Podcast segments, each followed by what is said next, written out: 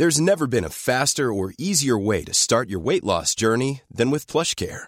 PlushCare accepts most insurance plans and gives you online access to board-certified physicians who can prescribe FDA-approved weight loss medications like Wigovi and Zepbound for those who qualify. Take charge of your health and speak with a board-certified physician about a weight loss plan that's right for you. Get started today at plushcare.com slash weight loss. That's plushcare.com slash weight loss. plushcare.com slash weight loss. Hiring for your small business? If you're not looking for professionals on LinkedIn, you're looking in the wrong place. That's like looking for your car keys in a fish tank. LinkedIn helps you hire professionals you can't find anywhere else, even those who aren't actively searching for a new job but might be open to the perfect role. In a given month, over 70% of LinkedIn users don't even visit other leading job sites. So start looking in the right place. With LinkedIn, you can hire professionals like a professional. Post your free job on linkedin.com slash people today. Hey, Dave. Yeah, Randy. Since we founded Bombus, we've always said our socks, underwear, and T-shirts are super soft. Any new ideas? Maybe sublimely soft. Or disgustingly cozy. Wait, what? I got it. Bombus. Absurdly comfortable essentials for yourself And for those facing homelessness. because one purchased equals one donated. Wow, did we just write an ad? Yes. Bombas. Big comfort for everyone. Go to bombas.com slash ACAST and use code ACAST for 20% off your first purchase. Drible vekk, drible vekk. Drible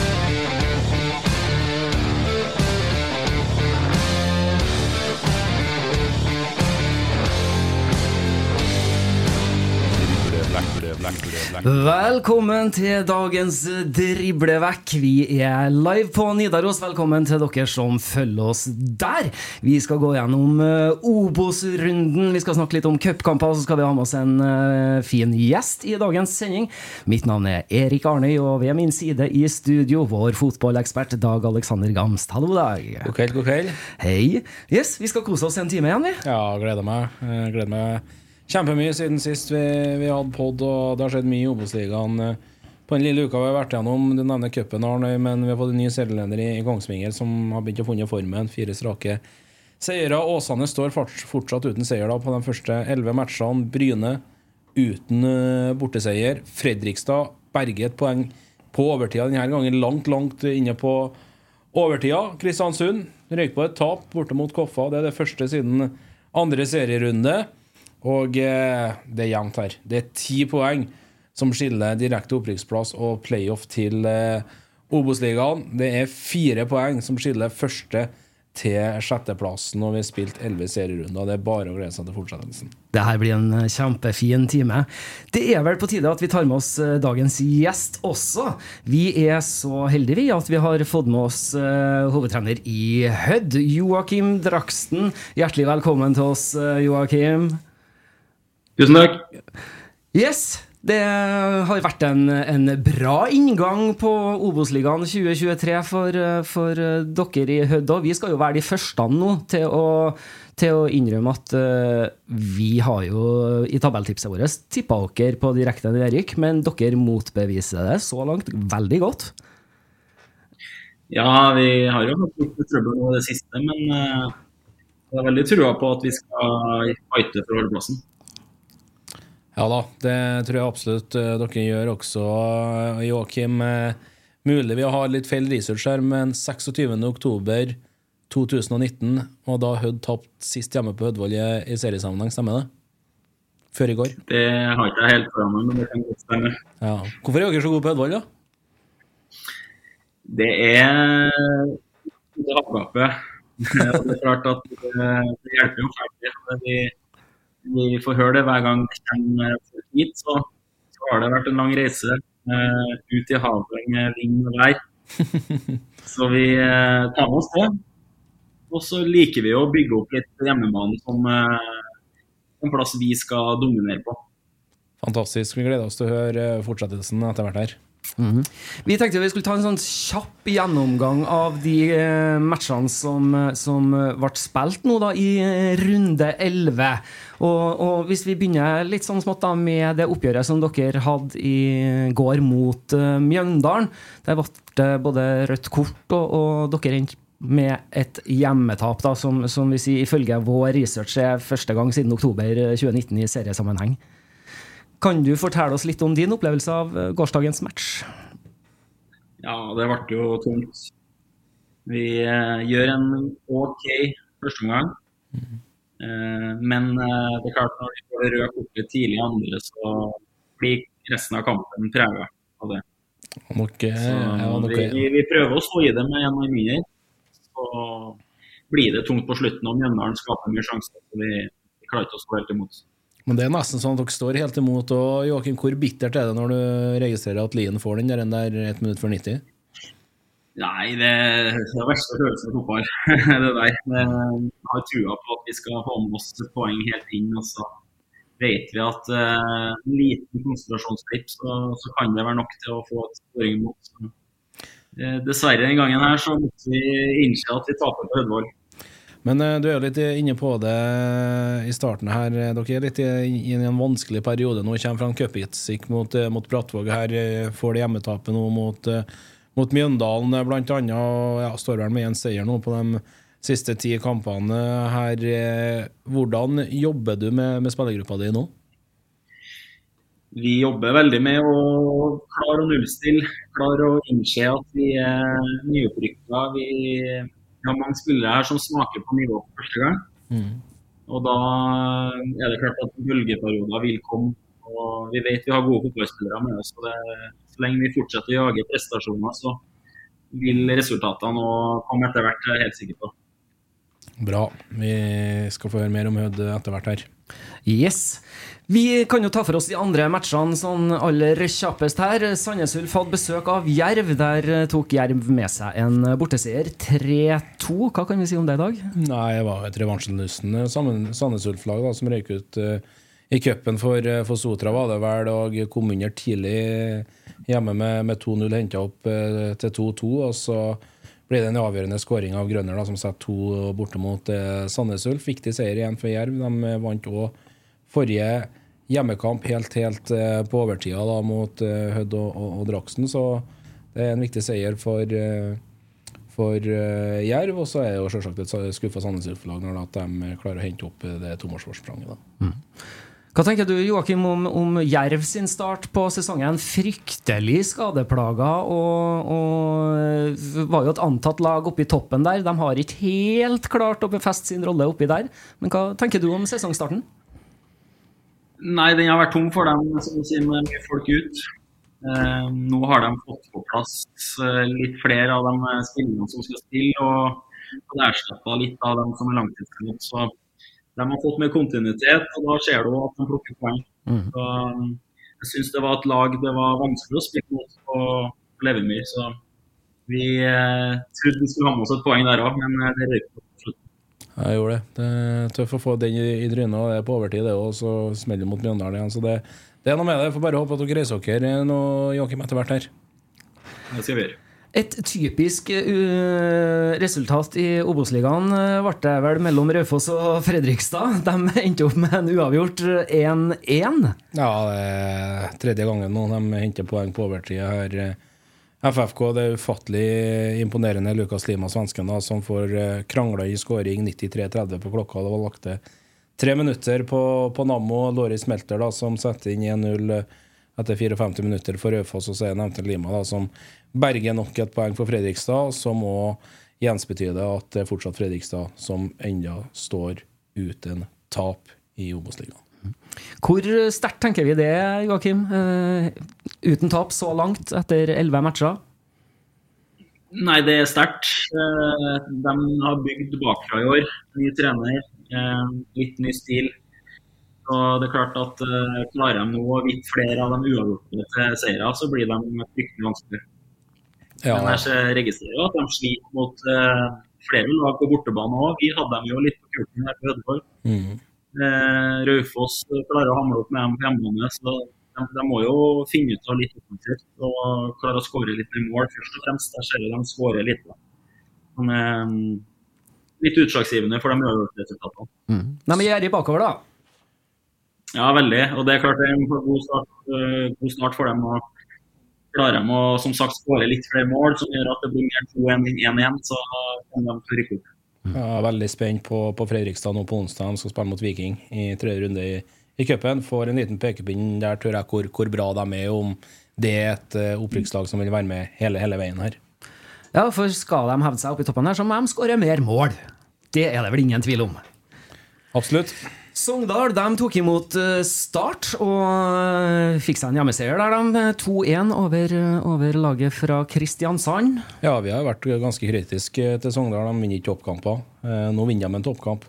Det er hjemme mot Start. Ufattelig viktig seier for Tore André Flo å slå tilbake nå etter å ha røkket borte mot KBK og, og Ranheim. Det er første kampen for Start uten Henrik Skogvold, som har bøtta inn mål etter at de, de henta han på lån fra LSK. Ble henta umiddelbart eh, tilbake fra Åråsen, og vips så taper Start fotballkamper. Tilfeldig? Vet vi ikke.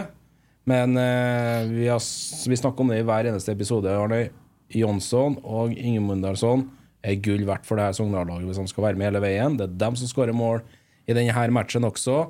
Luke Mares, da, nederlenderen hos Start, skårer vel i sin tredje kamp eh, på rad. Hjelper lite i denne runden borte på Fosshaugane. Sogndal er steingod hjemme. Er en utrolig viktig seier for dem. Hva tenker du om eh, Sogndal for året? Det er jo andre sesongen Tore André Flo går inn som, som hovedtrener der, og, og har jo vært eh, Det har butta litt mot så langt. Ja, nei, jeg syns jo ikke de er like bra som de beste lagene i ligaen. Det er imponerende at de eh, slår start. Det er imponerende at de ligger der de ligger. Så hvis de klarer å holde den koken her utover, så er det kjempesterkt, rett og slett. Um, Men eh, det er klart, på Fosshaugane der, det er litt sånn som eh, Hødvold, det. Å komme seg dit. Så det, det tror jeg kanskje Start fikk kjent, pluss at Skogvold har vært kanongod for Start. eh, Det skal sies, når han forsvinner ut, så det er vanskelig å bare erstatte målene der med folk i egen spillestart. Har du noe, har vi noe mistanke hvorfor de henter Skogvold tilbake nå? Er det litt for at det heter andre, andre klubber som er, kommer til å hente Adams i sommer? Er det, er det litt der vi er, eller? Det kan hende, og så vet jeg jo at den eh, låneavtalen der var vel eh, tenkt å være kortvarig. Ja. Så det, den skulle vare bare en måneds tid. Det er klart at Da har de sikkert noen av de gutta sine på vei tilbake, høyst sannsynlig. og da, Mm. da spørs det om de prioriterer å ha en lånespiller som skal spille foran, pluss at LSK helt sikkert vil ha han og konkurrere litt inn i eliteserieflokken. Ja. Enig. Et lag som gikk på en eh, aldri så liten skrell i går, kan vi vel si. Det var KBK som eh, tok turen til Oslo og tapte 2-0 for Koffa. Ja, røyk for frisparkfoten til Robin Rask. Fantastisk eh, fotballspiller. Det er tredje matchen, og han deler inn frispark fra distanse. Nytelse å se på. De slår KBK 2-0 på, på Ekeberg i, i går. Kjempesterkt. Og som vi var inne på her, et KBK-lag som uh, står uten tap nå siden andre serierunde. I den uh, bortekampen er det vel mot uh, Start 4-0 i Kristiansand. Og det er jo gull verdt da for Obos-ligaen. Vi slakta jo både Sandnes Ulf og, og Koffa her ganske tidlig, vi, Arnøy. Nå er de vel oppe på en eh, 12-13 poeng her, begge lag- lagene, og, og, og i, i midtsjiktet 13 og eh, 16 poeng, så så fort snur det. Og det er et Koffa-lag nå som virkelig har begynt å få eh, vann på mølla. er Tre strake seire. Det kan gjerne fortsette med at eh, Koffa fortsetter å plukke treere. Hva sier det om, eh, om årets eh, Kristiansund-lag, det at de går på et tap mot Koffa der, Joakim? Nei, det sier jo at Koffa er god, mm. først og fremst. Eh, jeg syns de har vært gode et par av de kampene før de begynte å vinne. Jeg så bl.a. den kampen mot Fredrikstad, der Fredrikstad slår dem litt mot spillets gang. Eh, og etter det så har de jo fått et vunnet, tror jeg. Eh, og så er det litt sånn for nedrykka lag til Eliteserien med masse eliteserieerfaring i troppen, så er det fort gjort å reise opp i Ekeberg bane 13 sant, og skru av eh, 5 i hvert fall. Da er det Koffa-laget mer enn godt nok til å ta en skalp. Veldig bra. Eh, til stor glede på Nordre Åsen, vil jeg tro, så tok Skeid en hjemmeseier mot eh, Bryne, 2-0. Ja, kun Åsane, Bryne og Moss som ikke har vunnet eh, borte, så å si, år. Og det er en ufattelig viktig seier for, for, for Bryne. Nei, for Skeid, selvfølgelig. De har trøbla lenge, de har vært i dårlig form. Men eh, der satt han. eh, 1-0 etter 13 sekunder, Jonny Budesson. Og eh, spisskollega Hoven eh, dobler. Eh, tafatt eh, Bryne-lag. Det er to, to tabellnaboer som møtes. Seier til Skeid her fører dem opp eh, Nei, til Skeid ja, fører dem opp på ti poeng, sammen med Bryne og eh, Raufoss. Det Bryne-laget egentlig skuffa meg litt, for det er en robust eh, stall, men eh, plukker for lite poeng borte, ikke minst, og så har det vært litt for mye variasjon også på, på Jæren. Det er jo ikke så mange poengene som, som eh, skiller nedrykksstrid og, og opprykksstrid her, eh, Joakim. Hva, hva kan vi si om det? Setter det seg litt mer fremover nå, tror du? Ja, om det setter seg mer, så tror jeg det fortsetter å være jevnt. For å være helt ærlig. Eh, vi har jo spådd det hele gjengen, både dere og mange andre jeg har hørt har spådd at det blir tidenes jevneste Obos-liga. Og det uten tvil gjenspeiles det her nå, etter 11 runder. Så jeg tror det kan fortsette å være jevnt. Jeg tror det kan være litt sånn at får du to-tre seire på rappen, så er du plutselig oppe og snuser på øvre halvdel og topp seks. Så har du litt eh, tunge perioder, så ender du i bunnen. Bryne er jo inne i en tung periode nå. Mye skader, mye utskiftinger på den elveren som har spilt i starten av sesongen. Og Da sliter de med å finne ut av det og ta trepoengere. Kan jo ta med det og med samme vind på Bryne her at Rogvid Balvinsson har tatt ut i A-landstroppen til eh, Færøyene. Veldig gledelig. I tillegg til de to Fredrikstad-spillerne, Johannes eh, Bjartali og Brandur Henriksson. Så det, det er kult å ta med seg fra Obos-ligaen at det blir landslagsoppdrag på de eh, treene. Veldig, veldig bra. Vi beveger oss videre da, til Ranheim, som eh, tok imot eh, Moss.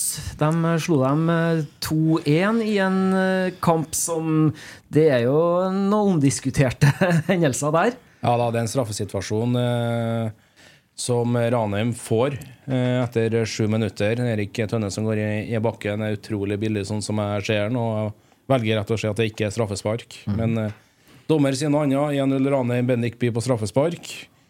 Og så kommer Moss tilbake med Ali Farah 1-1 etter 33 minutter. Og så er det ringreven på intet mindre enn snart 42 år, Morten Gams Pedersen, som er vant til å se i Blackbird-tida, som steg høyst, høyst til værs på bakerste stolpe. Og stanga han 2-1 til Ranheim. Og oppi det hele her da, så er det Moss som får straffespark eh, på tampen. Hands på klingen Langås. Så brenner Moss. Dobbeltredning fra Frendrup. Tre nye poeng til Kåre Ingebrigtsen og Ranheim. Og er oppi der fortsatt på tredjeplass. Det er ikke hver dag eh, keeperne blir matchvinnere som i den matchen der. Hva tenker du om, om Har du sett den straffesituasjonen du, Joakim? Ja, jeg så den. Den så veldig billig ut. Den gjorde det. Men eh, så- ser jeg jo det for å vise at det er jo en kontakt der, og han springer jo i utgangspunktet, eller hva han gjør. Og. Så det, så, sånn dømmes det, det, dømmes det på her. Eh, og så er det jo, så vidt jeg så, så syns jeg Mosselaget spilte en god kamp. Mm. Eh, og det overrasker meg ikke. De er kanongode når de reiser inn på bortebane og tar på seg litt underdog-stempelet. og mm. spiller robust fotball. Det gjorde de her på Hødvoll òg. Det var kjempevanskelig å spille mot dem. og det de kommer til å fortsette å plukke poeng, helt sikkert. Vi har jo fått eh, innspill eh, faktisk rett etter den straffesituasjonen. Så fikk vi eh, en, en kommentar her på Twitter med, fra Nordlink86. Han er Moss-supporter. Mulig å få en kommentar på straffesituasjonen i Ranheim. Så merkelig dømt fra bortefeltet. Der er det en par kommentarer. Tim Knutsen sier det feil. Ball først. Og Jan Erik Syverud kommenterer 'aldri straffe, ikke noe å diskutere', sier han. Vi, vi har jo egentlig landa litt på det samme her i studio, men så er det så, så, så, som du også sier, Dag, eh, eh, du må ikke dømme straffe på det, men du kan dømme straffe på det. Ja, Han får muligheten til å dømme, og da står han tett nok i situasjonen. og så er det jo dessverre ofte sånn at hjemmelaget får litt fordeler på sånt. Eh, Det har vi jo opplevd, de som nyopprykka underdogs. Det, det kan jo spille inn litt. Så jeg inne på den. Men uh, følger Draksen på det, helt klart. Men det blir et nei herifra, i hvert fall. Og det straffesparket. Jeg sier ja til nei.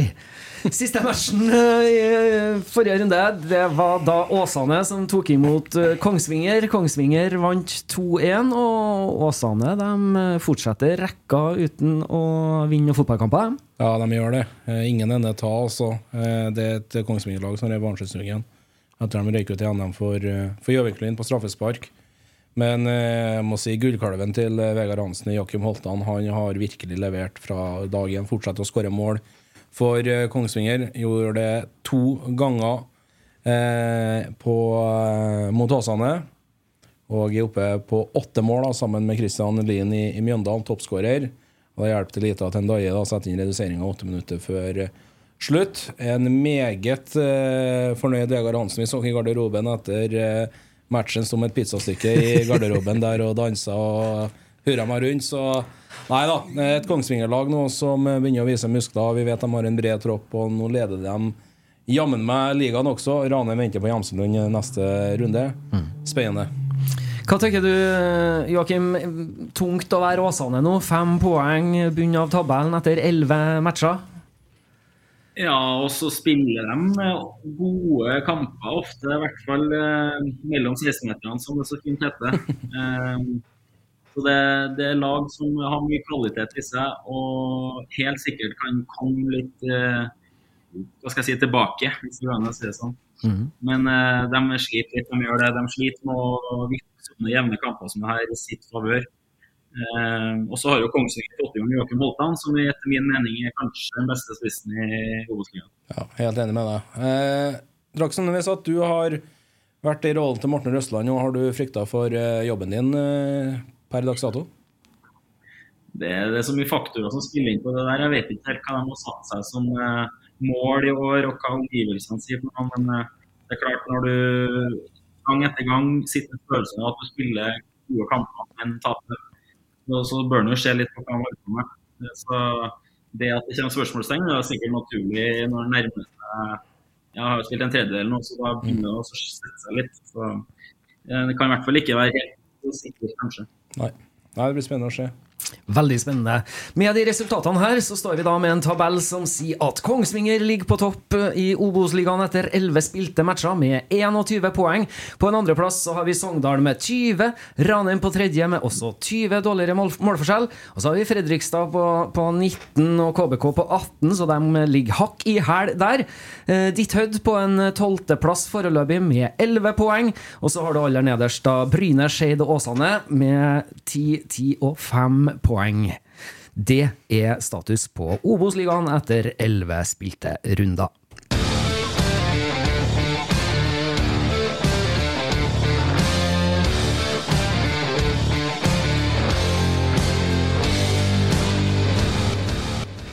Vi var jo inne på det at eh, det er lenge siden dere har eh, tapt i seriesammenheng på hjemmebane, Joakim. Men i, i går så skjedde det, da. Det gjorde det, og det skjedde vel. Det summerte litt opp her, Joakim òg, men eh, så klart får du rødt kort. eh, Man må spille med en halvtime pluss pluss med en mann mindre, så, så blir det tøft, selv om du leder 1-0. Og eh, ja, hva, hva, hva er det man sier til, til gruppa etter kampen i går, Joakim? Det er ikke veldig lett å finne noe veldig klokt å si sånn rett etterpå, fordi de er så skuffa og så sliten og gjorde en iherdig innsats med å prøve å få med seg poeng. Også. Um, så det er klart at uh, skuffelse må få lagt seg litt først. Og så skal han uh, se på det med litt mer objektive briller etter hvert og prøve å se litt hvordan prestasjonen egentlig var i bunnen her. Eh, og den syns jeg var solid nok til å kunne få med seg poeng, spesielt siden vi tar ledelsen såpass tidlig og får spille litt på det. Så her eh, er det om å gjøre igjen å klare oss å nullstille og se framover og være klar til neste oppgave. Det er jo sånn det er. Det er det. Men du, eh, litt eh, om deg sjøl. 33 år. Eh, Fikk vel utmerkelsen Årets unge trener i fjor. Først og fremst gratulerer med det. Hva, hva syns du om å få utdelt en sånn pris? Kjempestort. Jeg har vært med til og med arrangert det cupfinaleseminaret når jeg var student på idrettshøyskolen for mange år siden. Så jeg har jo sett flere gått opp der som unge, lovende talenter i trenergjerningen. og tenkt at uh, dæven, de har jobba godt, og nå var det min tur å stå der. og Det var kjempeartig. og Det blir en sånn uh, innsprøytning av motivasjon og enda mer lyst til å gjøre det bra for min del. Så det var kjempebra. Det skjønner jeg godt. Eh, Men eh, litt om reisen din da, til, til Hødvold. og ga det vel deg som fotballspiller når du var, var 19 år og du har vært innom Skeid bl.a. Kan, du- kan du fortelle litt eh, hvordan du havna på Hødvold? Ja, det har vært litt av en sånn eh, hva skal jeg si, tilfeldig reise, men det er vel sånn fotballen er. Du, du tar deg dit du minst venter det. Eh, starta som eh, student på idrettshøyskolen med trenerrollen, eh, en bachelor, bachelorgrad i trenerrollen. Og da fikk jeg meg deltidsjobb i Skeid. Jobba der i nesten fem sesonger. Og så var jeg litt sånn ferdig med ungdomsfotball og akademi og sånne ting. hadde lyst på nytt, og så fikk jeg den første A-lagsjobben, hvis vi kan kalle det i Lokomotiv Oslo. Som var en eh, hobbygjeng som eh, likte å spille fotball og ville ha litt mer strukturerte treninger. Og prøve å holde plassen sin i tredje divisjon. Eh, Så det var en artig utfordring for en ungkar som meg det, å komme inn og hadde fem-seks spillere som eldre enn meg. Det var noe spennende, bare det. Så etter hvert så ble det Eidsvoll-turen og gjorde, fikk en god opplevelse der med både opprykk og klarte å holde oss to år i, i andredivisjon på en måte. Og da var jo Hødd som eh, hadde lyst på en ung og hardtarbeidende trener, jeg kan kalle meg selv det. Du, hadde du noen mange samtaler med, med Knappen før du, før du tok over det Rødlaget?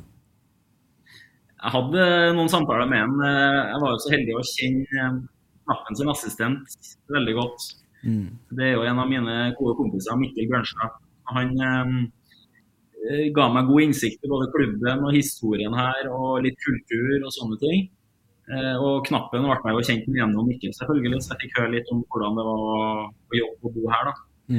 Det har fått spa god sparing. Godt å høre. Eh, Veldig bra. Vi har jo fått litt eh, lytterspørsmål òg, som eh, vi tenkte vi skulle videreformidle til deg. da, vet du. Og da er det sånn at eh, nevnte Nordlink86, eh, som, som sendte uh, i forhold til den straffesituasjonen Kjørte en særen fra Moss opp til Ranheim i helga. Det gjorde han. Uh, han spør Hødd har en kjent måte å spille fotball på. Hvordan er det å være hovedtrener og komme inn i en klubb med en så kjent spillestil? Kan du fortelle litt om hvordan du tilpasser taktikken og spillestil innenfor typisk Hødd-spillestil? Mm. Nei, det, det han sikter til her, er jo veldig kulturbasert. Det er jo en eh, veldig sterk fotballkultur når det kommer til direkte fotball, hardtarbeidende laginnsats, hvis jeg kan si det. Det er laget først, og det, det skal fightes og bløs for drakta. Det skal være tøft, og det skal være hardt. Eh, og det, det er klart at alle de her verdiene er jo noe jeg kan stå for. Eh, men det er klart, de lagene jeg har hatt tidligere, har jo ikke vært eh, så direkte og så kalle defensiv anlagt som det vi har nå. Eh, så det er noe som har vært en jobb for meg å tilpasse meg litt inn i og finne litt ut av sammen med trenerteamet mitt og, og selvfølgelig spillerstanden. Eh, Men jeg ser jo på meg sjøl som en pragmatisk trener som eh, kan gå inn i på en, på en eller annen vis hvilken som helst spillergruppe og, og prøve å få det beste ut av dem jeg har. Det er det som trigger meg veldig. Eh, så det er ikke noe sånn at jeg er nødt til å forme den spillergruppa i Hødd etter et eller annet prinsipp som er viktig inn i ryggmargen min, men det er viktig for meg at vi finner veien sammen og klarer å bygge et godt fotballag. Veldig bra. Eh, Jonny Normann Olsen, Shade-supporter, han eh, spør Han har to spørsmål, han. Eh, og en beklagelse. Eh, første spørsmålet hans er Hvor glad var du i lange innkast før du kom til Ulsteinvik? Nei, eh, vi, vi kasta kanskje et og annet langkast i fjor og i andre divisjon òg, men det er klart det her er nok en gang litt typebasert, eh, som sagt. Det er ikke noe sånn at jeg har eh, jakta med en som kaster langt for hardt for å kunne bruke det. Men vi var heldige å få tak i Sander Sundnes for sesongen her. og når han har den kastearma der, så er det jo helt uh, huemist å ikke bruke det som et våpen. Ja, da- det, så det har jeg lært meg lik. dere har jo blitt litt frykta for de lange innkastene deres. Det er jo et uh, solid angrepsvåpen. Ja, kjempesolid. Det er rett og slett livsfarlig hver gang. Det, det, det er jo hardere enn et eh, innlegg. og eh, Det er mer presist. Det er mye mer, eh, mindre faktorer på liksom, hvor ballen ender hen når det kommer til hendene. Mm. Så nei, den, den skal vi Uten å avsløre for mye, så skal vi fortsette å bruke det. Men sånn i en treningshverdag her da, Joakim, med de berømte lange innkastene til, til unge Sundnes, her er det noe dere på en måte trener bevisst på i, treningshverdagen? Dere, eh, eh, dere gjør jo sikkert det, men hvordan trener dere på det? Mm. Eh, Selve kastene eh, blir kanskje ikke trent på så fryktelig mye. eh, Bortsett fra litt oppstilling på kastene, hvor vi vil at kastene skal ende opp akkurat på samme måte som en corner. Mm. Så hvor skal vi ha hodespillere, og hvem er det som skal kastes mot? Og så er det klart at vi med å spille med wingbacker i en 3-4-3-formasjon, så kommer vi ofte rundt på kantene og får situasjoner langs sidelinja. Og da vil det jo enten bli corner eller innkast hvis det kommer oss høyt nok. Så det- er vel kanskje det som er mest spesifikt eh, trenbart eh, i våre treningsarbeid. Ja, Interessant å høre det der. Veldig spennende. Han eh, Jonny Normann Olsen han eh, spør også, og dette her er kanskje litt på sida eh, Måtte du hive ut mange uvedkommende ut da du jobba som dørvakt på Ullevål stadion? Mm. Det er et artig spørsmål. det. Jeg hadde, hadde en eh, liten deltidsjobb eh, mens jeg studerte på idrettshøyskolen eh, oppå Vippen på Ullevål stadion. Og da sto jeg i, døra der, og det var ikke så mye utkastelse, men det var noe mer sånn Send folk som har gått feil og litt sånne ting. Eh, Og så ble det jo litt alkohol utpå kveldene på Vippen der, så det, det var noe å passe på bare at det var orden i rekkene, ikke noe mer. Veldig bra. veldig bra Herlig. Da fikk en eh, Jonny svar på det, og så har han en beklagelse helt på slutten av meldinga si her. Og så må jeg få si sorry på vegne av Skeid for måten han måtte forlate klubben i mitt hjerte på, skriver han. Så da Ja, er det det, det er jo noe ikke han få rådd over. Ikke sant. Ikke det, ikke det. Men uh, Joakim, 11 matcher, 11 poeng uh, til Hødd. Er det noe du har takka ja til hvis jeg spurte om det før seriestart? Delvis. Vi sikter jo høyt, da. Vi er jo tøffe i nøtta og har lyst på mer. Eh, Men det er klart at vi, vi vet jo hvor vi er hen, vi vet hvor vi kommer fra. Og så vet vi hvilken eh, spillergruppe og materiale vi har i forhold til erfaring, først og fremst, også litt i forhold til alder. Eh, Så det er klart 11 poeng på 11, det er ett i snitt. Det, det er ca. det vi har sikta oss inn på. Sånn, kommer vi oss på 30, par av 30, så håper vi at det skal holde til å, å være i Obos-ligaen neste sesong òg. Det, det er jo første målet. Eh, Du sier det jo deg sjøl at målet er å berge, og det vil jo helt sikkert bli enorm konkurranse for å, for å klare akkurat eh, det. Hvem tror du blir å kjempe sammen med dere for å berge plassen i Obos? Nei, det, sånn som det ser ut nå, så er det vel nærliggende å tro Skeid, Åsane Vi får se litt på Raufoss. Jeg syns de eh, er litt lik oss på mange måter. Eh, og så får vi se om Bryne får fart på skadesituasjonen sin. Men eh, det er jo vi som ligger der nå, sånn sett, som jeg tipper vil fighte om å, å prøve å klore seg fast. Eh, Men du vet aldri, det har skjedd syke ting før, og det, det ser jo oppover på tabellen at det er ikke veldig mange poengene til midtsjiktet. Så er det noen av lagene der som får en tøff periode, så kan de melde seg på i feil ende. Hi, I'm Daniel, founder of Pretty Litter. Cats and cat owners deserve better than any old fashioned litter. That's why I teamed up with scientists and veterinarians to create Pretty Litter. Its innovative crystal formula has superior odor control and weighs up to 80% less than clay litter. Pretty Litter even monitors health by changing colors to help detect early signs of potential illness. It's the world's smartest kitty litter. Go to prettylitter.com and use code ACAST for 20% off your first order and a free cat toy. Terms and conditions apply. See site for details. Hiring for your small business? If you're not looking for professionals on LinkedIn, you're looking in the wrong place. That's like looking for your car keys in a fish tank. LinkedIn helps you hire professionals you can't find anywhere else, even those who aren't actively searching for a new job but might be open to the perfect role. In a given month, over 70% of LinkedIn users don't even visit other leading job sites. So start looking in the right place. With LinkedIn, you can hire professionals like a professional. Post your free job on linkedin.com/people slash people today. Since 2013, Bombas has donated over 100 million socks, underwear, and t-shirts to those facing homelessness.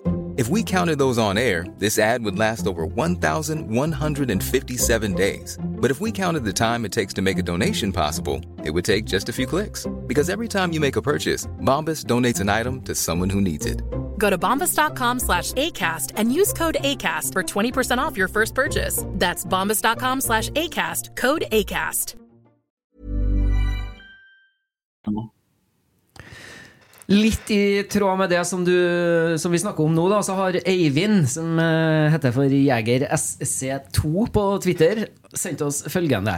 Hva gjøres for at Hødd skal være en spennende klubb for unge talenter å dra til? Og hva må til for at Hødd overlever i ord, årets Obos-liga? Og så spør han i tillegg, da, hvem foruten Åsane vil kjempe om å unngå direkte nedrykk? Mm. Nei, det var jo to kompliserte spørsmål, først og fremst. Det er ikke bare sånn eh, enstavelsessvar på den der. Nei.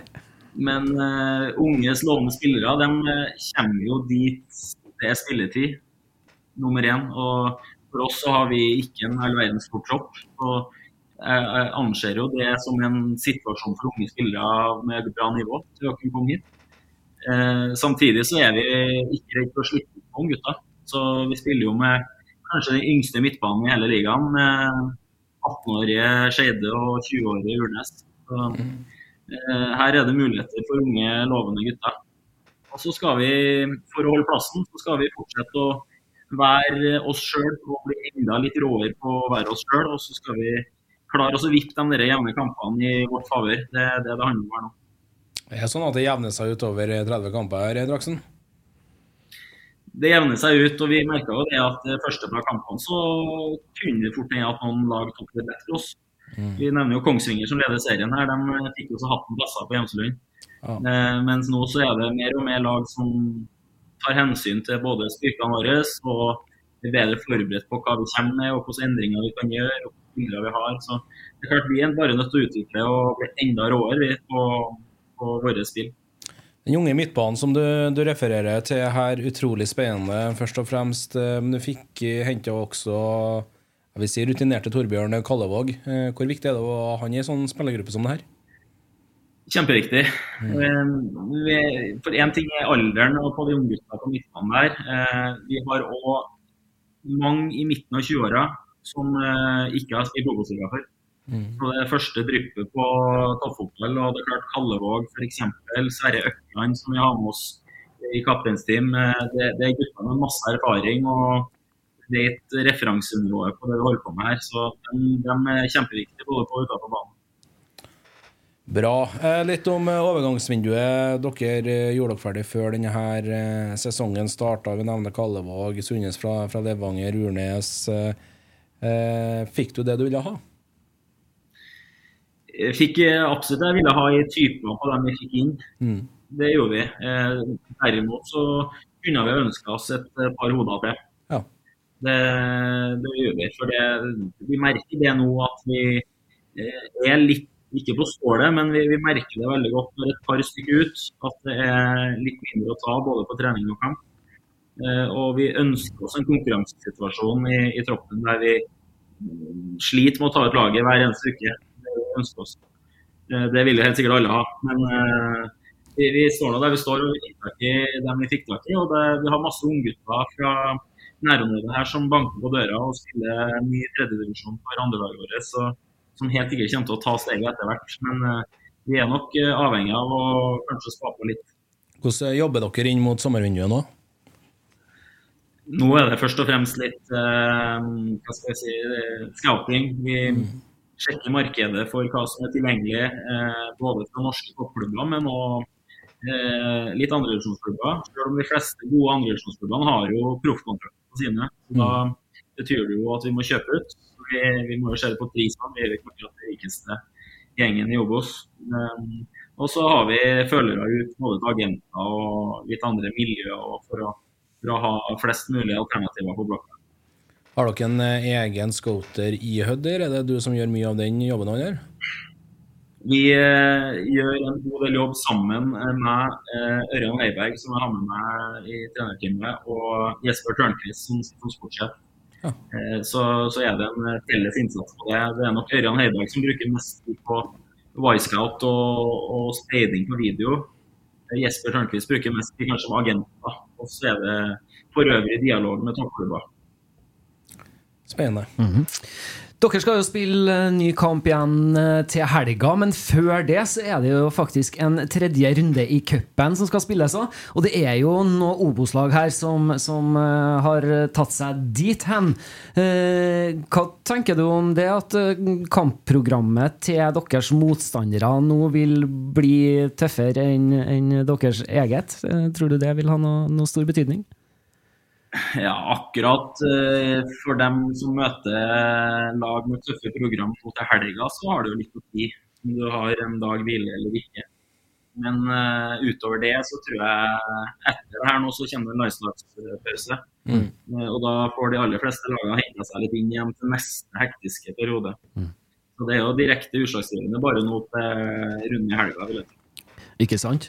Det er jo noen Obos-lag her som møter hverandre i tredje runde, bl.a. Koffa Åsane. Hva, hva tenker du om eh, de toene i cupoppgjør?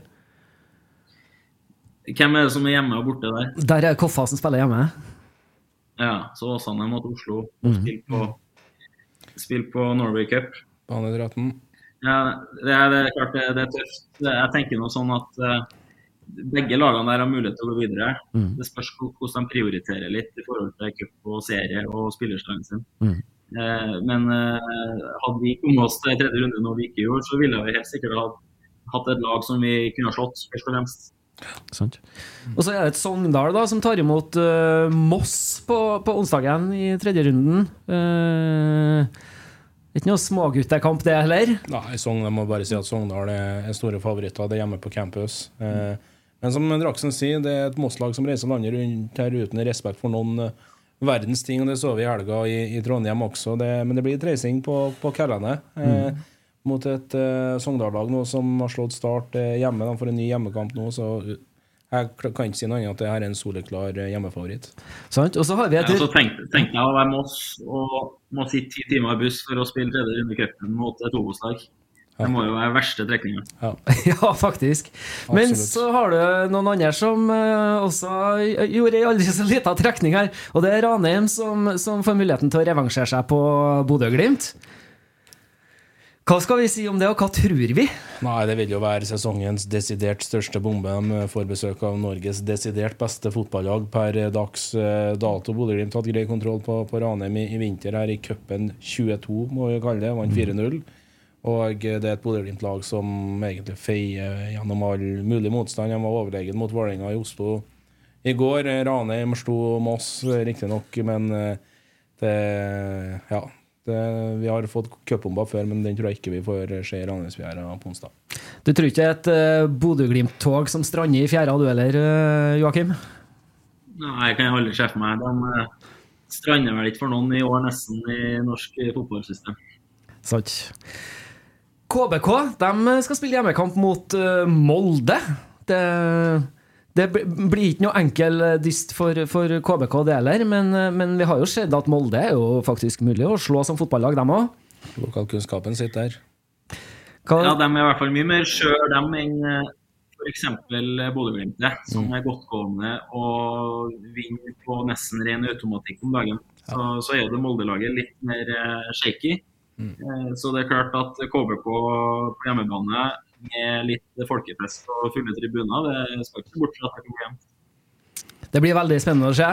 Eh, Gjøvik-Lyn tar imot eh, Start. Ja Start er favoritter. Gjøvik-Lyn tapte 3-1 hjemme for, for Kisa nå i, i helga. Og Start er revansjesugen etter tapet på Sogndal. Og det, Start har mye penger, Start har ambisjoner. Start har ambisjoner om å komme så langt som mulig i cupen, og da må de slå Gjøvik-Lyn eh, på Gjøvik eh, til uka. Jeg spør straffekonk der. Greit, notert. Veldig bra. Spennende. Uh, Mjøndalen tar imot uh, Raufoss. Jeg er jo frista til å si at der òg kan det jo fort hende at det lukter en straffesparkkonkurranse.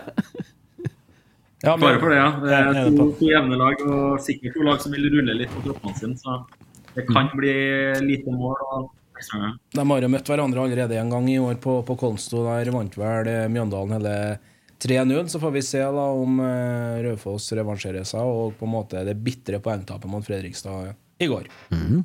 Jerv skal på besøk til Kjelsås. Ingen enkelt ble straffe der òg, Joakim. Ja, det er, altså, er det tre baner jeg ikke ville ha dratt på i år i cupen, så tror jeg nummer én er Grefsen, nummer to drar Gjøvik stadion, nummer tre Reknes i, på treff i Molde. Det, altså, det er nesten umulig å spille fotball der. Så for oss i fjor når vi hadde Gjøvik-Lyn i serien, så var det jo om å gjøre å ikke la seg påvirke av dekket. Eh, så det på, på Grefsen òg, Kjelsås mot Jerv, det blir jevnt.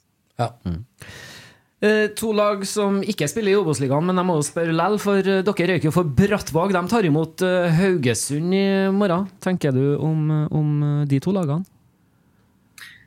Nei, det er klart eh, Haugesund er eh, skyhøye favoritter. De, eh, Brattvåg eh, kan å spille jevnt med alt av lag, og det, det viser dem i hele preseason sin. Når de spiller mot gode lag, så, så spiller de jevnt mot alle og tilpasser seg på en måte nivået mot det de møter. Eh, mot oss også så ble det en veldig jevn fotballkamp. Jeg vil jo si vi var det førende laget, men vi klarte ikke å få hull på bunnen, rett og slett. Vi var ikke gode nok foran mål. Eh, og de skåra etter eh, ett og et halvt minutt eller noe sånt. Så da ble vi jagende. Så er det klart, Klarer mm, Brattvåg å få det første målet eller holde det til 0-0 ganske lenge, så kan det bli spennende. Men kommer Haugesund ut i 100 og skårer, så blir det her Haugesund-seier. Fordel Brattvåg med hjemmebane? Ja. Da Ja, det er det. Mhm. Da står vi igjen med, med ett Obos-lag vi på tredje runde i cupen, og det er da det spennende som vi snakka om i sted. Hvor står Fredrikstad hen egentlig? Og det kanskje vi får litt mer svar på når de tar imot Viking da på onsdagen i tredje runde i cupen. Ja, eh, Fredrikstad har jo vunnet cupen historisk sett eh, mange, mange ganger. Eh, En stund siden nå er vel den finalen mot Sandefjord der for en god del år tilbake siden har jo Piroya blant annet skåra. Men eh, Fredrikstad stadion håper aristokratene som ender sin eh, besøkelsestid, tar imot et vikinglag som skårer mye mål, eh, som er i OK form. Nå får de virkelig testa seg. Hvor, hvor bra er de? Hvor bra er de? Kan de eh, slå Viking? Jeg tror de kan gjøre det, men da må de være eh, på i 90 minutter, kanskje tilleggstida. Men eh, jeg vet ikke. Hva, hva tenker du, Joakim? Nei, de må jo gå ut der og stenge butikken, først og fremst. Da. Og det har de jo vært gode på hittil i år. Så det, I og med at de slipper inn så lite mål og spiller såpass kontrollerte kamper, så kan nivåforskjellen viske særlig fort ut. Så det, det at det kan bli en jevn kamp, det tror jeg absolutt. Og med litt flyt så, så klarer de å holde det lenge. Og så har de gode folk på topp, så hvis de får kontra litt på Viking, så er det gode muligheter for å skåre et mål og passe videre. Ja, jeg gleder meg til den kampen. Da er det altså tredje runde i Norgesmesterskapet i fotball for menn. Og første kampen sparkes i gang klokka 17.00 på onsdagen. Det er Koffa mot Åsane.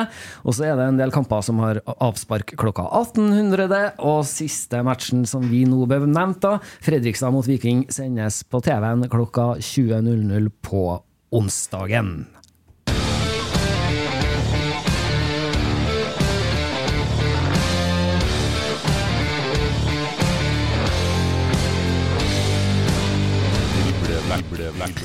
Yes, vi var jo så vidt innom det. Det skal spilles eh, matcher til helga òg. Og da er det full Obos-runde igjen. Blir eh, mye spennende kamper foran oss. Ja, det er det. Veldig spent på, på Kongsvinger mot, uh, mot Ranheim på, på Gjemselund. Fortsetter Vegard Hansen og Kiel i sporet. Klarer Ranheim å yppe seg for alvor på, på bortebane mot et meget, meget godt uh, fotballag. Eh, Joakim og eh, Hødd også, da. Borte mot Sandnes Ulf. Eh, det blir nok en tøff kamp i Obos-ligaen. Det er kunstgressmatch, men eh, det er et Sandnes Ulf-lag også som har vært litt jojo hittil, Joakim. Ja, jeg anser det absolutt som en kamp som er mulig å ta med seg både ett og tre poeng i. Vi har spilt jevnt vi òg med samtlige lag i år. Jeg synes det eneste kampen der vi ordentlig får passe påskrevet, er mot Start på Sør Arena siste halvtime. Eh, bortsett fra det så er vi jevne alle sammen og er i fighten om både ett og tre poeng i alle matcher. Så klarer vi å skape en sånn fotballkamp eh, nå igjen, så, så skal vi klare å gi dem det. Helt enig med deg. Det er litt om eh, spillesiden deres på Hødbånd. Vi var jo inne på det med, med lange innkast. Eh, Hvordan er tilbakemeldingene på det? Er det litt sånn at det ikke er lite sjarmerende? Det er ingen som kommer på en fotballkamp for å se på lange innkast. Det var en kamerat av oss på Trøndelag her som har sagt det tidligere, så derfor spør jeg deg òg. Jeg, jeg hørte faktisk eh, så sent som i fjor, så hørte jeg, jeg Det var faktisk på Rekenes borte mot treff. Så fikk jeg høre at det var forbudt å kaste langt. For det var, var ikke en del av fotballen. Men eh, nei, her, i hvert fall her på Ulsteinvik så er det mm, satt like mye pris på som en corner, jeg skal si det sånn. Så der er det trampeklapp og få ham i mål. Det er det som betyr noe. Hvordan er, hvordan er engasjementet rundt klubben? Hvordan, hvordan er trøkket? Nei, Det er kjempebra. Det er som sagt en uh, elita bygd her med 6000-7000 innbyggere. Og uh, en fotballstadion på toppen av bakken som eh, overser hele, hele bygda og lokalsamfunnet. Enten så har de barn i klubben, eller så har de spilt i klubben, eller så kjenner de noen som har jobba eller spilt i klubben. Det er Såpass tette bånd er det her. og da, da blir det naturlig nok veldig engasjement òg. Det er mye folk på kamper, og det er mange som bryr seg. og Du får alltid kommentar eh, på butikken, eh, i hvert fall hvis du taper. Så det, det er mange som eh, vet mye og kan mye og bryr seg veldig. Så det er kjempeartig. Men jeg regner med at det er noen tilbakemeldinger på Superen hvis dere vinner fotballkamper òg? Da er det en klapp på skuldra, og så er det mer, mer kommentarer hvis vi taper. sånn sett, For det, det er forventa å vinne kamper her. De er, i hvert fall de siste par årene har spilt i andredivisjon, så Mm. da har de stort sett vunnet. Dere Det er I hvert fall som dere nettopp topp på hjemmebane. Så det er en uvane, som de sier, å tape, så det må vi slutte med. Men eh, fra nivå tre da, opp til nivå to, der dere er nå i Obos-ligaen Du har jo vært med på denne reisen nå. Eh, hvor stor nivåforskjell er det på toppen av Post Nord og, og der dere ligger i Obos-ligaen nå? Nei, akkurat topplagene i Post Nord og Obos-ligaen er ikke så stor forskjell på, syns jeg. Eh, vi kan jo ta Ullkisa som eh, eksempel fra i fjor. Levanger. Mm. Eh, det er helt sikkert lag som kunne ha slått fra seg fint i Obos-ligaen òg. Eh, men så er jo derfra og ned så er det jo større forskjell. Mm. Og I fjor så kan du si at bortsett fra Levanger og Ullsisa-kampene, så reiste vi rundt hele Norge vi og forventa å vinne. Sjøl Selv om du møter Kjelsås og Asker og nevnte Gjøvik-Lyn, som er tøffe matcher isolert sett, så, så er det eh, ikke så tight, ikke så vanskelig å få overtak i matcher som det er i Obos. Og ikke så bølgende og ikke så momentstyrt som du kan si at det er i Obos-ligaen. At du enten har det eller ikke. Riktig. Eh, alle sammen som er gjester hos Draksen, får det her spørsmålet. Hvis du fikk velge, hvilken Obos-ligaspiller har blitt den nyeste signeringa på Ødvollen? Den er tøff, men eh, vanskelig å komme bort fra. For det må være en Obo-spiller. Ja. Ja, nei, da tar jeg med meg Sander Kartum. Han er velkommen. Det forstår jeg utrolig godt. Veldig godt valg. Eh, vi var jo inne på den matchen eh, mot eh, Sandnes Ulf her. Eh, det er jo faktisk sånn at hvis dere nå eh, tar med dere de tre poengene fra den matchen, så klatrer dere jo forbi dem på, på tabellen. Eh, så, så en viktig kamp for dere sånn sett. Ja, men er ikke alle kamper viktige? Jo, de er jo det. Eh, Vi, vi, vi tenker i hvert fall sånn at uh, det er et antall poeng til slutt som betyr noe, men det, og det, det, det kan nesten ikke si at vi fighter med Sandnes Ulf sånn Mm. isolert sett heller. Men uh, selvfølgelig, som du sier, vi klatrer forbi dem hvis vi vinner. Så, så tett og jevnt er det, og da må man bare ha en ambisjon hver kamp om å prøve å ta tre. Hvem er det som rykker opp til Eliteserien etter 30 runder? Eh, hvis det ikke blir KBK, så er det jo årets eh, bombe, Ja. syns jeg. Eh, men de har jo snubla, så det, de er menneskelige til 1000. Så det, de må bare finne ut av litt det og klare å trakke lag som tar veldig hensyn til dem. Eh, og så syns jeg jo det er et høyt nivå på, på den strukturen og defensive jobben til Fredrikstad. Og som sagt, vippe dem litt flere kamper i sitt favør, så kan de få trykke på. Ja, det blir ufattelig spennende. Det blir- tett, det blir jevnt, så det, her kan det være helt inne Altså. Nevnte KBK tar imot eh, Moss på lørdagen. Eh, hva skal vi tro om den matchen, Dag? Nei, jeg er veldig usikker på. Det må jeg si. De er eh, poengtap hjemme for Skeid. De tapte nå for Koffa, et Moss-lag som har vært inne på. De har ikke respekt for noen lag så når de får å reiser rundt. Men eh, litt som Joakim sier, nå skal de jo til Sogndal og spille cup. De kommer fra Trondheim. Det er tøff reisebelastning, så hvis Moss tar med seg poeng der, så er det ufattelig sterkt. Nesten så jeg bare bør bli igjen på Vestlandet. Ja, Veldig bra. Spilles også to kamper til på lørdagen. De har da avspark klokka 15.00. En av dem er Mjøndalen, som tar imot eh, Sogndal. Ja, åpen eh, kamp. Et Sogndal-lag som har variert borte. Steingo hjemme. Mjøndalen ja, slo jo Hødd nå, da, men riktignok med en mann mindre i en god halvtime der. Vidåpen kamp. Umulig å, å si noen ting, egentlig. Siste matchen på lørdagen er Jerv, som tar imot uh, Raufoss. Ja, gresskamp på Levermyr. Eh, Et Raufoss-lag som absolutt kan overraske. De starter Kristiansand, blant annet. Eh, hadde FFK i kne så det holdt eh, i går. Tore Tronsen har jo sagt det til Dalen. Han er jo utrolig overraska at det her Raufoss-laget har plukka så mange poeng som de har gjort. Og det, de stopper ikke med det med det første, altså. Hva tenker du, Joakim? I utgangspunktet her så holder jeg Jerv som favoritt. De uh, har fått litt mer sving på det, litt mer kontinuitet i laget sitt. Uh, jeg kjenner jo assistenttreneren til Arne der, Petter veldig godt. Han var jo trefftrener i fjor, og så, sånn sett så møttes vi og fikk utdelt litt erfaringer. Mm. Og Han sier jo det at alt handler om der å, få stabla det samme laget på banen litt flere kamper på rad, så det blir litt relasjonelt her. Så ikke det bare enkeltspillerne sin kvalitet som kommer fram, men at det er laget. Og så har de jo Samuel Pedro, som er nummer to etter Kartum og kom inn i Hødd. Ja, det er bare å skrive liste til julenissen. Ikke sant? Eh, dere spiller jo som nevnt eh, kamp på søndagen. De søndagskampene har også avspark klokka 15.00. Dere spiller borte mot Sandnes Ulf. Og så har vi da Fredrikstad som tar imot eh, Start. Det blir spennende. Det blir veldig spennende. Det er Selvsagt er det vidåpent, men det er enkelt å si 1-0 FFK eller uavgjort. Mm. Men det, det er jo definitivt en, en toppkamp i, i Obos-ligaen 2023.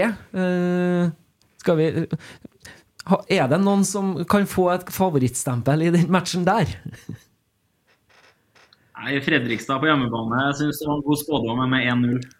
Ja, sant. sånn ut fra sånn som det har vært hittil i år. Gjerrig bakover og ikke så fryktelig målfarlig. Ja, og Start har vært svak på bortebane mot topplag Røyk nå på Sogndal. Og skal, de skal ut på reise. De skal ut i cup nå til, eh, på onsdag, så det er 1-0 FFK. Lukas Lima. Lukas Lima. Enig. Enda en uh, toppkamp. Kongsvinger tar imot Ranheim. Ja, eh, litt skadeproblematikk i Ranheim. Sivert Solli ut. eh, Marklund òg fortsatt. Eh, Kvikstad får de jo tilbake på, på backen hvis han fikk kun én match på det røde kortet mot, mot Start. Men bonus på Ranheim når han får med seg poeng mot et Kongsvinger-lag som er i fryktelig nytende form. Espen Nystuen og Vegard Hansen sier jo det, Joakim, at de har en, en, et mål. De skal opp i Eliteserien. Om det skjer i år, det får så være, men, men målet er nå der. Eh, har du trua på at det er et oppnåelig mål for Kongsvinger? Ja, hvis de fortsetter å satse som de gjør nå, så vil det helt sikkert være mulig å komme seg opp en kvalik og komme seg helt til den uh, eliteseriekvaliken mot uh, eliteserielaget. Og da, da er alt mulig. Eh, så absolutt. Og de, de har en moden og voksen tropp med, med mye kvalitet i alle ledd. Så absolutt en uh, kandidat. Ja, jeg syns Kongsvinger har ei bra sentrallinje òg, med, med Strømberg i Golden. De har Gerson, de har Holter på midten, de har Gyven. De har ikke minst Holtan. Jeg syns Helland begynner å få sving på det på, på sidebacken der. og det Nei, det, det blir veldig spennende. Slår de Ranheim overbevisende nå, da, da begynner det å lukte fugl etter hvert. der altså. Hva tenker du om Kåre Ingebrigtsens uh, menn fra, fra fjæra? da? Klarer de å stå imot uh, et Kongsvinger-lag i form? Ja, Kåre er jo glad i å ligge lavt og kontre på bortebane når han har mulighet. Ja. Så da får han kampen litt i det sporet, så har vi lyktes på hjemsling før. Så jeg får bare ringe han fikser. ja, sant? Sender fila her over igjen til Kåre, så har han uh, kveldsunderholdning. Veldig, veldig bra. Bryne de tar imot uh, Åsane. Uh, er ingen, in, ingen eh, formlag, noen av dem. Det er båndkamp. da Typisk at den er uavgjort, da, sikkert. Det er fare for, for det. Vi beveger oss til siste matchen da i, i runde tolv, som da er Skeid mot eh, Koffa. Oslo-kamp. Ja, det er Det er vanskelig. det er jo Skeid vant noe hjemme sist nå, da, men Koffa er i bra form. Jeg er frista til, å- til å si borteseier, for uh, viser, viser, virker som at Mosesgård har begynt å få uh, dreis på det her Koffa-laget. Altså. Det er jo et sånt eh, diskusjonstema mellom uh, Skeid og Koffa om hvem som har eh, beste vaflene. Uh, har du smakt vaflene begge plassene, du, Joakim? Ja, i hvert fall på Nordåsen. Jeg har det gått med noen vafler når jeg jobber der. Ja, sant. Eh, men eh, den artig, den diskusjonen her, og så er det om det er hjemmelagd røre eller poserøre. og litt av hvert. Sant. Så det, ja, nei, så prøv, det, det, det, ferdig fabrikat, eh, hører jeg. Det, det, vil ikke de ha noe av på Nordre Åsen. Jeg regner med Skeid-supporter Ronny Olsen har svaret, så vi tar, vi tar en telefon til ham. Ja, vi får gjøre det. Men da har vi faktisk beveget oss en runde gjennom uh, runde tolv av uh, Obos-ligaen eh, 2023. Det blir mye, mye spennende kamper, og det er mye som kan bevege seg på, på tabellen etter denne eh, runden. Ja, det er det. Litt sånn avslutningsvis. Og Joakim, 33 år, et uh, stort trenertalent her i, i Norge. Du sitter her nå som en Obos-ligatrener i en alder av nevnte 33. Hva er neste steg eh, for deg? Godt spørsmål. Eh, Jeg har vært heldig, synes jeg, så langt. Og stort sett opplevd eh, oppturer hittil i trenerkarrieren min og gått egentlig nivå for nivå. Eh, Og nå så er det jo da timingen kanskje for at det kommer en knekk, så vi får prøve å unngå den, først og fremst. Uh, Og så hvis jeg klarer det, så får vi se. Målet mitt er egentlig bare å bli så god jeg kan sjøl. Føle at jeg er med å utvikler noe og få lov å jobbe med at lag skal bli best mulig. Det er det jeg syns er artig. Eh, og så tar vi det litt derfra. Men eh, absolutt ambisjoner om å se om jeg kommer opp i Eliteserien og kan jobbe i, på norsk toppnivå. i hvert fall. Det begynner å bli en god del trøndere som samles nede på Sunnmøre, der Svein Målen i hete samtaler med, med Ålesund for, for tida. Og eh, blir det en trønder til som eh, beveger seg nedover? Det kan det være. Han er hjertelig velkommen. Så skal jeg invitere han over til øya for eh, en kaffe eller to. Spennende. Veldig spennende. Eh, vi eh, begynner å nærme oss en time, vi. Eh, og har eh, fått eh, gått gjennom både kamper som er spilt, vi har gått gjennom eh, ukas cuprunde, og vi har tatt for oss runde tolv i, eh, i eh, Obos-ligaen. Det har vært en eh, fryd å ha deg med som gjest, Joakim, så tusen hjertelig takk for at du tok deg tida til å være med oss. Jo, takk i like måte. Det var kjempeartig. Vi ønsker deg riktig til lykke med resten av denne sesongen. Og så får vi se om vi kanskje vi rekker å ha deg med en runde til også, før, før sesongen er over. Og forhåpentligvis da være med og feire at dere skal spille Obos-ligaen neste år òg. Ja, det håper jeg virkelig. Da, da kommer vi i hvert fall. Sant. Lykke til, eh, Joakim. Takk skal dere ha. Hjertelig takk for besøket. Det var Joakim Draksne. Eh, herlig fyr. Mye, mye fine innspill og, og betraktninger fra hans side der. Ja, absolutt. Og en meget eh, spennende trener. da, 33 år. Eh, har tatt et lag opp fra PostNord til, til Obos-ligaen. 11 poeng på dem 11 første. Det blir et rotterace eh, om å berge plassen. Hødvollen er en frykta arena. Det har jo de tre siste årene vist. Det ble et arbeidsuhell i går. Men eh, Obos-ligaen er helt overbevist om Erik kommer til å leve helt inn til, 30, til runde 30. Det gjør det nok. Vi skal avslutte for i dag. Vi takker alle dere som har fulgt oss live på Nidaros. Og vi ønsker veldig gjerne å oppfordre alle sammen til å følge oss i sosiale medier. Vi er på Twitter og Instagram. Driblevekk søker du opp der. Denne og tidligere episoder kan du se i opptak på Nettavisa. Og så er vi tilbake før helga vi med en Før runden spesial. Før runde tolv skal sparkes i gang. Den kan du høre allerede på fredagen, der du lytter til podkast. Har vi noe mer å tilføye i dag?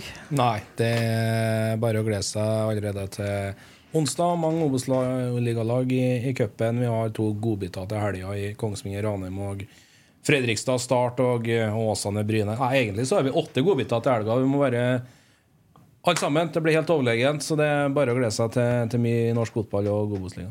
Nå har du sagt det siden eh, ved sesongstart. Det er bare å feste setebelte. Ja, de har firepunktsel òg. ja, ikke sant? Vi takker for følget for denne gangen. Takker for alle dere som sender inn innspill og spørsmål. Fortsett gjerne med det. Og så ønsker vi dere alle sammen ei riktig god fotballuke. Takk for følget. Drible, drible, vekk, drible, drible.